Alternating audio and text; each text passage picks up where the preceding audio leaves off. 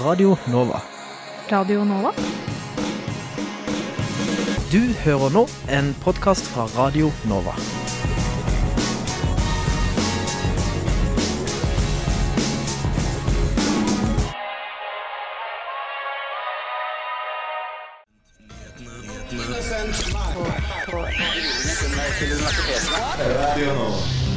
Hei sann, og velkommen til Studentnyhetene.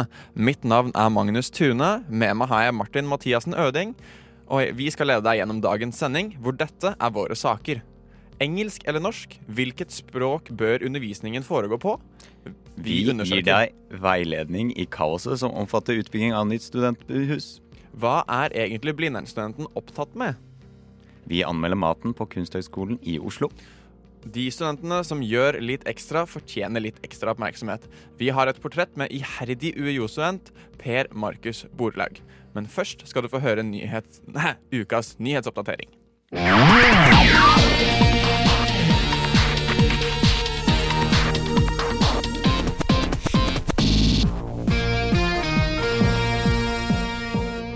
Kristelig Folkeparti stopper ikke den foreslåtte stipendomleggingen. Det ble klart etter som KrF ble enige med regjeringen om at statsbudsjettet 2019. NSO-leder Håkon Rangar Michaelsen sier til Krono at han er veldig skuffet over KrF. Han oppfordrer nå studentene til å delta på demonstrasjoner landet rundt torsdag 29.11. Nesten ingen skriver master- og doktorgrader på nynorsk. Dette kommer fram i en fersk rapport fra Språkrådet, melder Krono. I dag er det 8,5% av doktorgradsavhandlingene som skrives på en av de to norske målformene. Kun 0,9% skrives på nynorsk. Hele 90,8 av doktorgradene skrives nå på engelsk. Nils Rune Langeland, den tidligere professoren ved Universitetet i Stavanger, står fortsatt uten jobb. Det skriver Krono. Langeland ble avskjediget etter at det ble kjent at han hadde sendt upassende meldinger til studenter ved universitetet. Senere har Langeland søkt på stillinger ved flere norske universiteter uten å lykkes. Langeland reagerer spesielt på intervjuprosessen ved Høgskolen i Volda, som han sammenligner med en inkvisisjon. Rektor ved Høgskolen i Volda beklager at Langeland oppfattet intervjuet slik. Det var ukens nyhetsoppdatering. Mitt navn var Martin Mathias Nøding. Og den siste tiden har det vært mye snakk om hvilket språk undervisningen på studiene her til land skal holdes på. Vi har med oss William Høie fra A-lista. Velkommen til deg. Tusen takk. Vi hørte jo i nyhetsoppdateringen at uh, hva var det, rundt 90% av alle grader som blir skrevet, blir skrevet på engelsk. Og Doktorgradsavhandlinger. Doktorgradsavhandlinger, Men det er i hvert fall en trend at flere og flere blir skrevet på engelsk. Um, hva tenker dere om uh, Hva tenker dere er det naturlige språket å ha undervisningene på her til lands? Ja, altså, det er jo et uh, komplekst uh, spørsmål på mange måter. Altså, på én side så er jo forskningen blitt mer og mer internasjonal, så du finner uh, tekster og alt på engelsk. Jeg f.eks. skrev bacheloroppgaven min på engelsk på bakgrunn av at all informasjon om det jeg skrev om, var på engelsk, så da orket jeg ikke å liksom oversette alle fagbegrepene til norsk i tillegg til å måtte lære det. Men så er det jo eh, det problemet at ikke alle er like gode i engelsk. Og hvis vi skal ha all undervisning på engelsk, så lukker vi jo høyere utdanning for eh, de som kanskje står litt svakere språkmessig.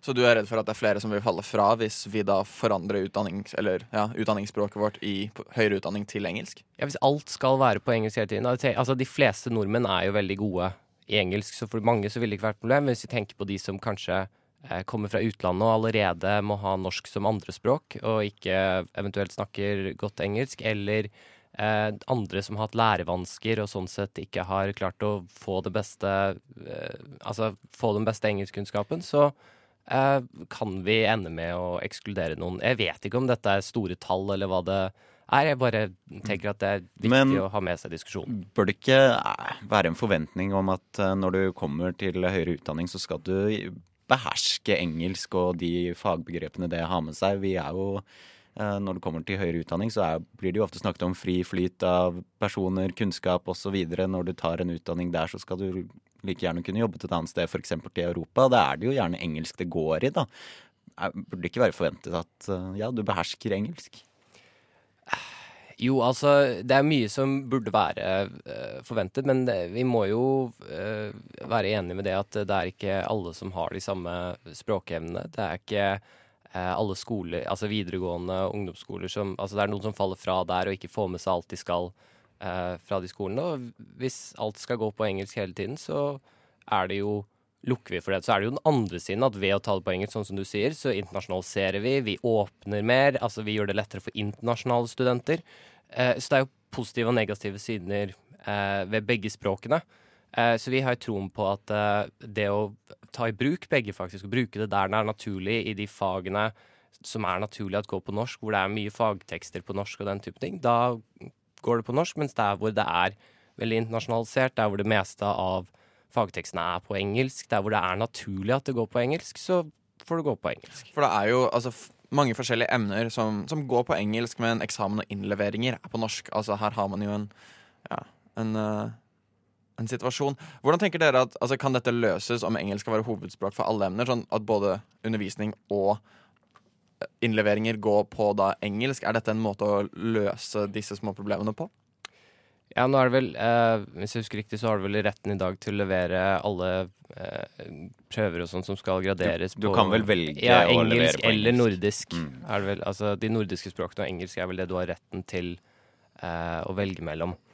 Eh, og jeg tror akkurat den retten tror jeg faktisk er positiv, for det er ikke alle som er like gode skriftlig i enten engelsk eller norsk, og ved å få den valgfriheten, så får du velge der du er sterkest, sånn at det ikke er språkkunnskapene dine som påvirker karakteren, selv uavhengig om undervisningen går på engelsk eller norsk.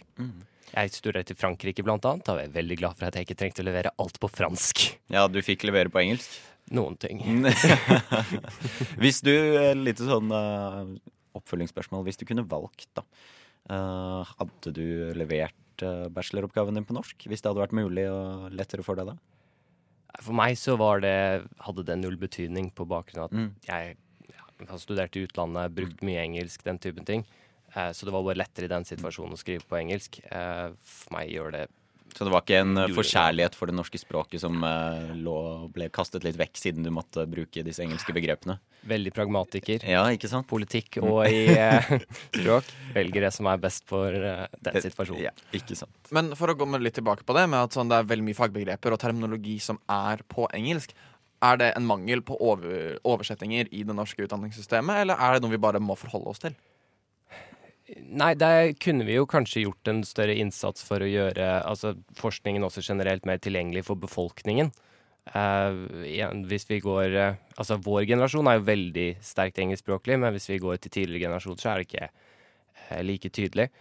Og akkurat der er det nok en del fagbegreper og sånn som vi med heldighet kunne fått oversatt til norsk for å åpne opp akademia i mye større grad for befolkningen for øvrig. Hvordan stiller du og A-lista seg eh, til denne, denne problemstillingen? Altså, Ønsker dere at språket skal gå over på engelsk, eller vil dere beholde sånn som det er, og kanskje da introdusere mer oversettelser, så det blir lettere for uh, de som ikke er like stødige i engelsk? Vi vil nok eh, fortsette med å ha at både norsk og engelsk brukes som undervisningsspråk for uh, det beste for studentene. Forsknings- og høyere utdanningsminister Iselin Nybø sa på en konferanse på Universitetet i Oslo for to uker siden at hun har bestemt seg for å bruke tildelingsbrevene for 2019 til å be institusjonene om å følge utviklingen av norsk som fagspråk særlig tett. Tror du at dette er noe som kommer til å bli gjennomført? Nå, nå vet jeg ikke om eh, du skal spørre A-lista om troen på regjeringens gjennomføringskraft og eh, Hvorfor ikke?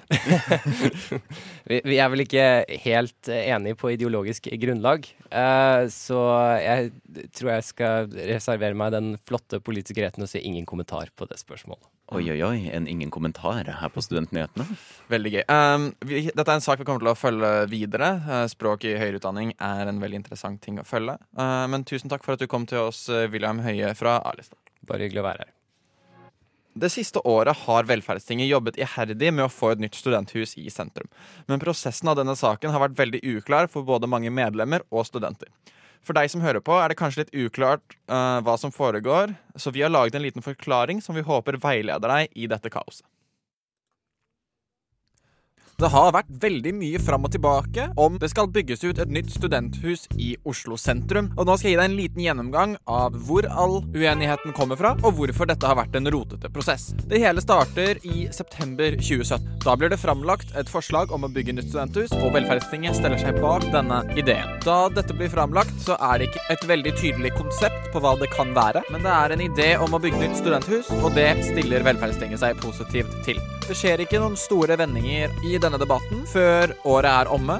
Det blir et nytt år, og en hel vår går. Og på maimøtet 2018 så reises det noen spørsmål om hva som er problematisk med å bygge ut et nytt studenthus. Noe av grunnen til at dette rotet oppstår, er fordi at mellom mai og september er det en sommerferie, hvor studentpolitikerne og studentdemokratiene har en liten pause og veldig lite går framover. Men i medlemmers hoder blir meninger formulert, men ikke diskutert. På septembermøtet til Velferdstinget 2018 framprovoserer Velferdstinget en debatt om hvorvidt dette forprosjektet, og da å bygge et nytt studenthus i Oslo sentrum, er en god idé. På grunn av denne framprovoserte debatten må Velferdstinget holde et ekstraordinært møte tidlig i oktober for å ta med Velferdstinget som en enhet med i diskusjonen. For problemet er folkens, at Velferdstinget, altså der hvor det sitter flest representanter, har ikke vært en aktiv del av denne diskusjonen på ca. et år når det kommer til debatt. Velferdstingets arbeidsutvalg, den utøvende makten i Velferdstinget, er de som har stått bak progresjonen av dette konseptet. Etter ett år er det fortsatt enighet i Velferdstinget om at de vil fortsette forprosjektet og av resultat bygge et nytt studenthus i Oslo sentrum. Men det er større og større uenighet, for det kun var 17 for å fortsette forprosjektet og 11 imot. Med i dette konseptet og dette rotet er det en enorm mengde instanser som har vært med å mene noe, og som er med å bestemme. Blant disse har vi en styringsgruppe, de som passer på at prosjektgruppen gjør det de skal. Prosjektgruppen er de som sjekker om det er gjennomførtbart å bygge ut et nytt studenthus i St. Olavs gate 32. Du skal også ha Velferdstingets arbeidsutvalg. Altså Disse er allerede med i disse to gruppene, men det er de som er den utøvende makten til Velferdsting. Du har Velferdstinget, de som er den største gruppen studenter som er samlet og står bak hovedparten av demokratiet i denne prosessen. Du har SIOs hovedstyre, et styre som består av studenter som tar valg på vegne av SIO, og som hører i stor del på velferdsstigen. Det er de som sitter på pengene, og det er de som til slutt sier 'dette skal vi gjøre, dette skal vi ikke gjøre'.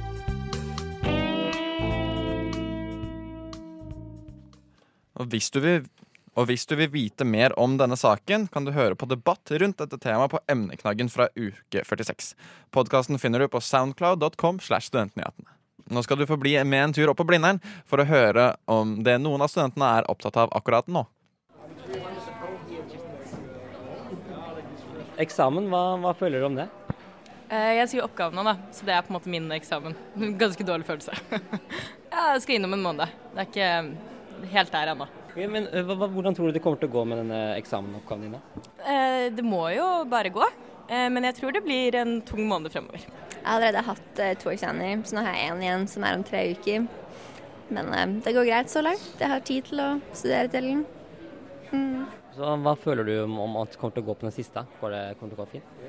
Ja, det tror jeg. Forhåpentligvis OK. Sånn moderat bra.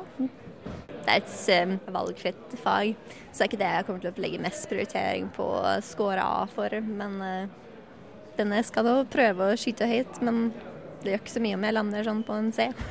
Ja, eh, jeg kan jo sikkert si at jeg er litt sånn nervøs og litt stressa for eksamen. Det er mye en skal kunne, mye ting en burde pugge da, i mine fag. Men samtidig så er jeg på andre året nå, så man har jo liksom litt roen om at det går bra å komme seg gjennom. For min del så er det jo viktigst å forstå mest mulig siden jeg skal bli lærer. Så på en måte når jeg føler at jeg har den forståelsen jeg trenger, så føler jeg at jeg har kontroll på faget. Ja.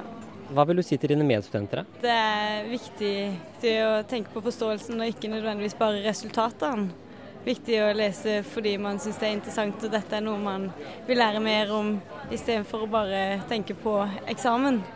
Så at man kanskje eh, prøver å lese for å få kunnskap, da, ikke bare for akkurat de resultatene her og nå, men for fremtida. Eh, Finne en god hverdagsstruktur og en fin balanse mellom det å lese og studere og være sosial og slappe av og ha fritid. Og finne ut hva som funker for deg. Um, for det er ikke alle som kan lese seks timer om dagen og får noe ut av den. Ja, det er nok mye det å prøve å bruke hverandre da, i kollokvier og samarbeid. Um, jeg tror det er overraskende mye man kan lære på kort tid. og også at, at det ordner seg. Og ikke stress med hva dine medstudenter gjør, bare fokuser på hva du har tid til, og hva du får gjort før eksamen. Prøve å gjøre andre ting samtidig òg. Jeg vil si det samme som Johannes, men på en, med en litt annen vinkling. Gjør mye annet, men mer for å koble ut. Det er veldig viktig nå, spesielt i eksamensperioden, å spise gode middager med venner, dra på konserter, gjør noe helt annet enn å sitte her og ja, råtne vekk. Der fikk du flere gode tips fra Blindern-studentene, som hadde slått an en prat med vår reporter Ingar Jakob Feiring. Vi i Studentnyhetene har spist oss gjennom en rekke studentkantiner i Oslo. Denne, gang, denne gangen var det kantina ved Kunsthøgskolen i Oslo som sto for tur. Eh, nå står vi utenfor KIO sin kantine. Det var kokken Jerome. Hadde jobba på KIO sin kantine før, og da fikk de jo veldig gode tilbakemeldinger, gjorde de ikke det? Ja, og studentene var jo kjempefornøyd med at han lagde gourmetmat. Mm. Men så fikk han i 2017 så fikk han sparken. Eh, og da har vel tilbakemeldingene dalt ganske, har de ikke det? Jo, det har jo kommet veldig dårlige tilbakemeldinger om at maten er verre enn vanlige kantiner. Så det blir veldig spennende å se da, om det faktisk eh, de fordommene vi har, på en måte stemmer. Skal vi gå inn, da? Her er det ganske trangt, altså. Det er veldig trangt. Altså, det er som en korridor Det er en det er veldig trangt. Det er som en korridor. En veldig Mm. smal korridor. Hvor mange meter tror du det er her, da? Nei, det er kanskje sånn ti meter. Det er veldig smalt, og så er det drikkevarer på den ene siden og salatbær på den andre, og skal du gå langsmed for å komme til kassen. For å plukke litt ting. Og så på eh, venstresida vår så er det en salatbar. Som ser ut som den har ligget der ei god stund. Ganske lenge, i hvert fall fra i morges. Mhm. Og på høyre side så har vi skinke og annet pålegg som har brettet seg i kantene fordi det er så tørt. Men det første vi merka når vi kom inn i KIO, da, det var jo eh, lukta. Ja. Det lukta veldig godt, og det var faktisk sånn vi fant veien til kantina. Vi bare fulgte lukta. Eh, og borte med, når vi går langs den gangen, da, så borte med kassa der, så er det curry og ris, var det? Ja, det var kyllingcurry, og så var det vegetar, som også er Mhm. veldig bra. De hadde To, eh, to alternativer. Mm. Det var vel det eneste som frista. Ja. OK, da tar jeg en eh, curry og ris. Vegetar. Og jeg tar en kyllingcurry. Ja. Det var billig, og vi fant jo ut at det var halv pris etter klokken fire. Ja, så det er jo veldig bra. Vi betalte jo 60, vi betalte jo 60 kroner til sammen. OK, let's try. Det var godt. Mm, det var skikkelig godt, faktisk. Det smakte, det smakte faktisk ganske mye. Jeg har jo testet andre kantiner, og dette var bedre. Nå sitter vi ute i kantina, og det er litt sånn halvchabby, vil jeg si. Det er, veldig, det er veldig rart. Det er smuler på bordene og kopper. Mm. Det ser ganske Ja, det ser rotete ut og ikke særlig renslig. Men det var veldig godt. Ja, Jeg jeg ville nesten hatt med, jeg. Ja, jeg ville også hatt med. Men eh, hvis vi skal liksom konkludere, hva, hva syns vi? Jeg syns det trekker opp at maten var, maten var veldig god, og det er jo egentlig det viktigste. Mm. Men eh, allikevel så var det ganske dårlig utvalg. Vi kan gi den terningkast fire. Ja. Så har vi noen tips til eh, KIO-kantinen. Få litt bedre utvalg, litt mindre tørr mat, um, resirkulering og vask bordene. Ja. Ellers så var det veldig bra. Maten var god, og det er jo det viktigste. En uh, firer på terningen der, altså. Uh, ikke så verst kantine. Reporter i saken var Julie Bybergbø og Selma Hellstrand. Og med oss i studio i dag har vi en masterstudent. Eh, bak seg har han snart fem år ved Universitetet i Oslo. Der han har studert flittig, engasjert seg både faglig, sosialt, eh, for et eh, godt miljø for seg og sine medstudenter. Vi er litt nysgjerrig på å finne ut hva som foregår i topplokket på denne studenten. Han beskriver seg selv som en hardtarbeidende livsnyter som mangler evnen til å smile. Eh, velkommen til eh, Per Markus Borleig. Takk skal du ha. Uh, du er altså i dag vår, vår første gjest i uh, Studentportrettet. Oi, Eh, aldri gjort dette før. Um, så ja, vi kan vel egentlig starte med starten. Altså, når er du ferdig på videregående?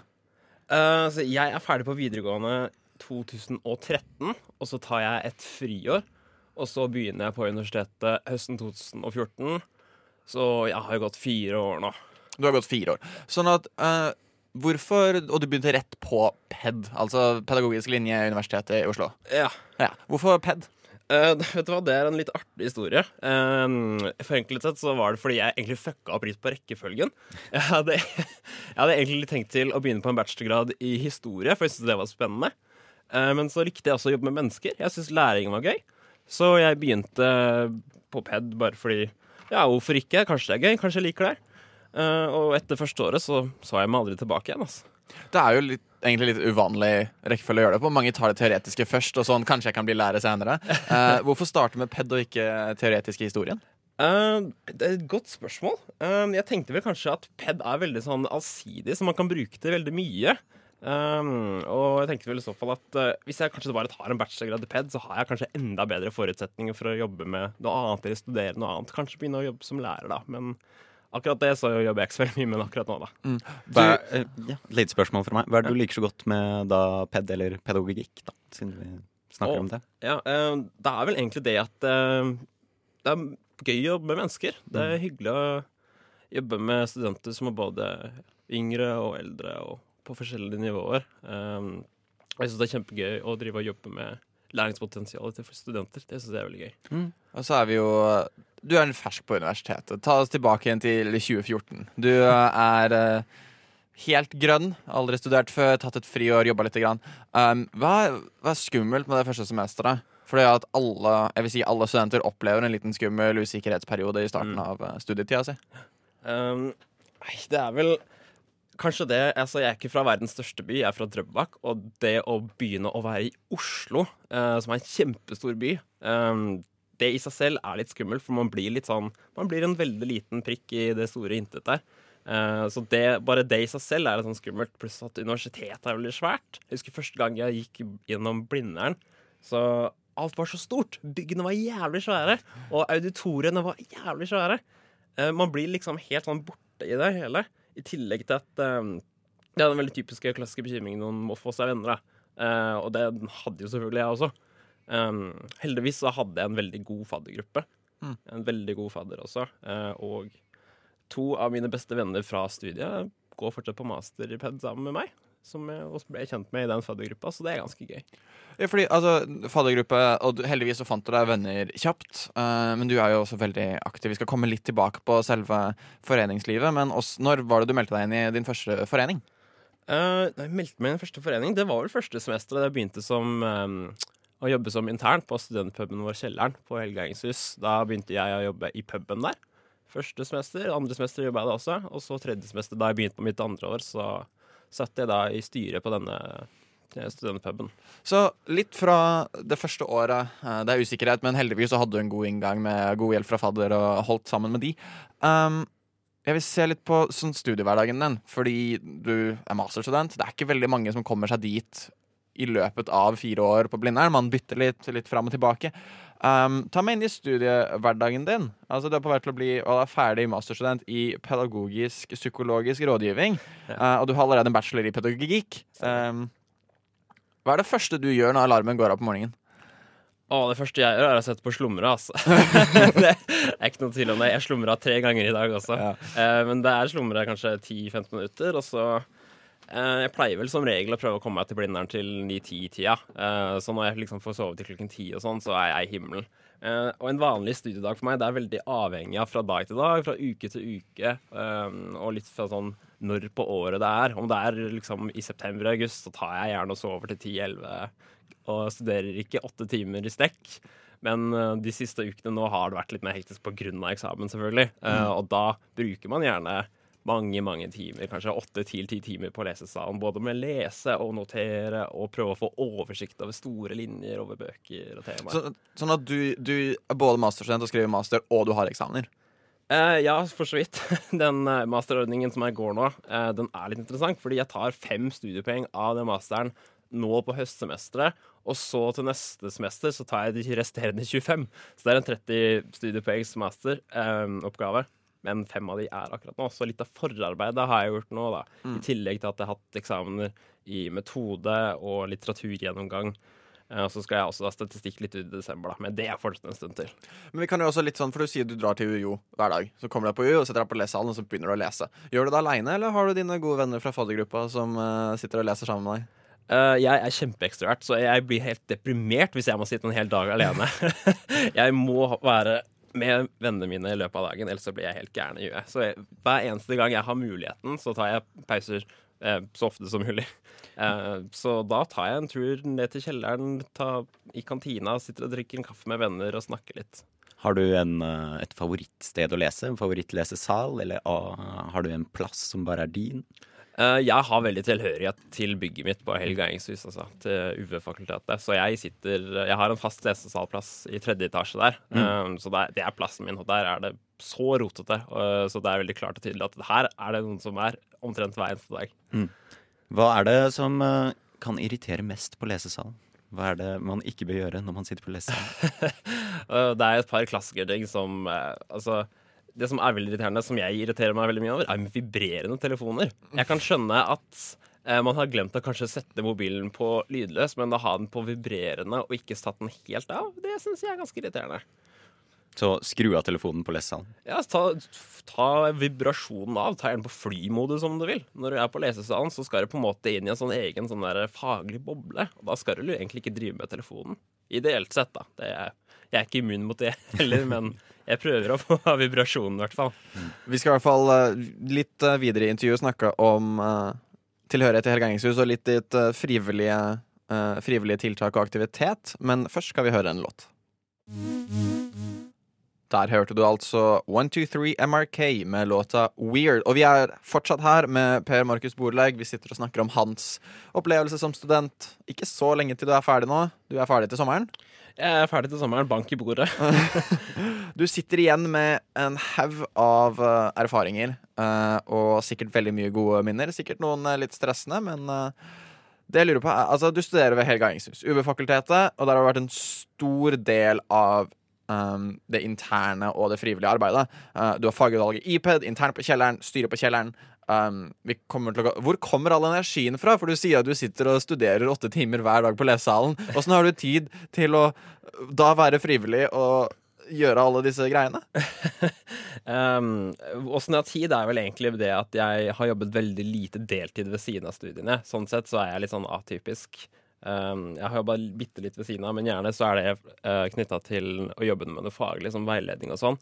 Uh, hvor jeg henter energien fra, er vel egentlig bare det at jeg er en typisk ekstrovert person. Jeg samler opp energien når jeg er med, med andre mennesker. Og så er det også viktig at jeg får i meg nok mat, for jeg har veldig høy forbrenning, så jeg må få i meg energibærer og i hvert fall to lunsjer hver dag. Men hvor mange foreninger har du vært medlem i?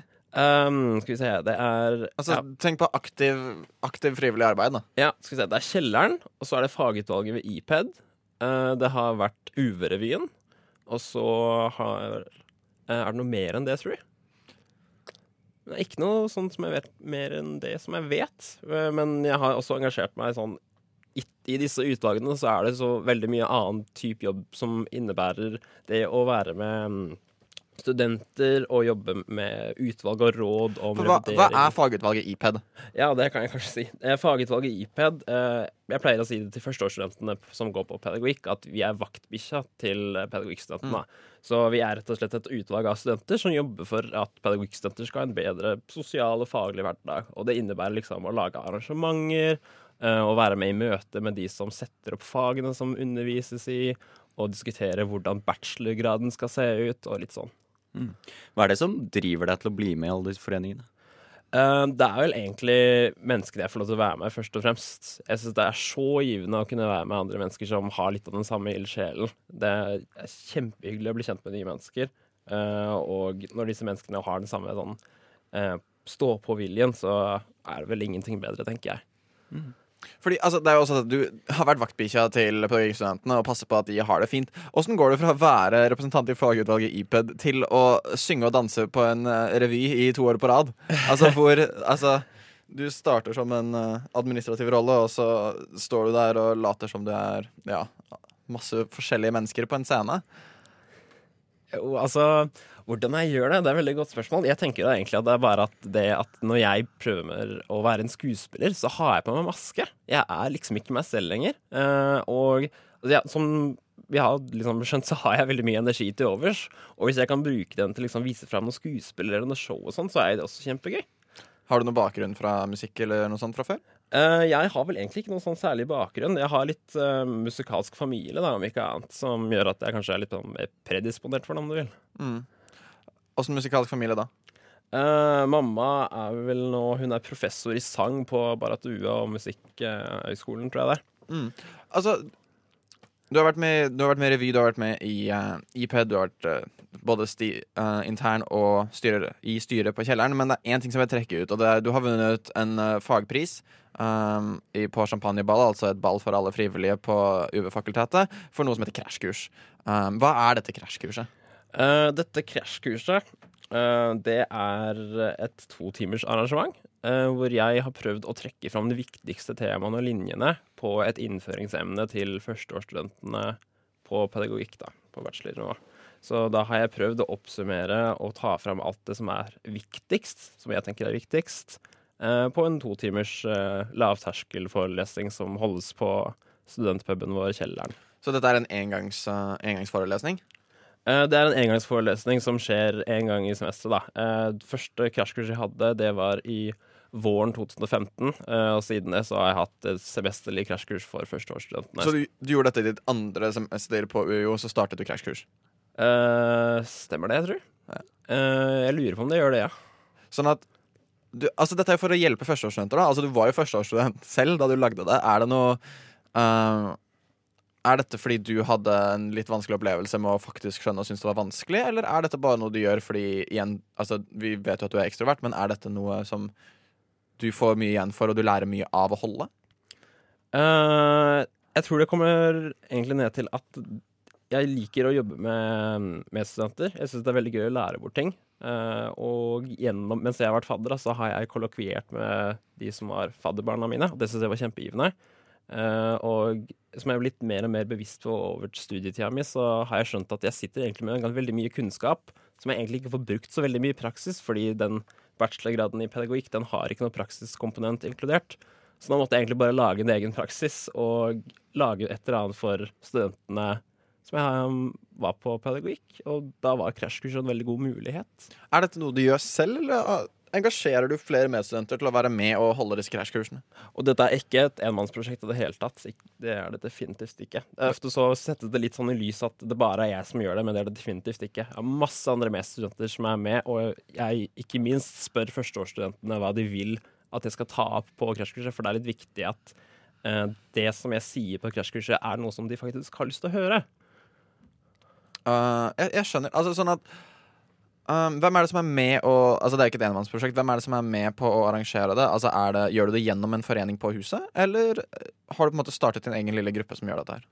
Uh, det her er gjennom dette fa fagutvalget ved IPED, som jeg har sittet i lenge nå. Uh, og så er det også et samarbeid med studentpuben vår Kjelleren. Det er jo der vi har, har krasjkursene, uh, for at det skal være litt mer sånn studentvennlig og lavterskel. Da. Eh, og det er gjerne alt fra fem til ti studenter med i hele prosjektet, og sette opp alt med logistikk, utleie og slikt.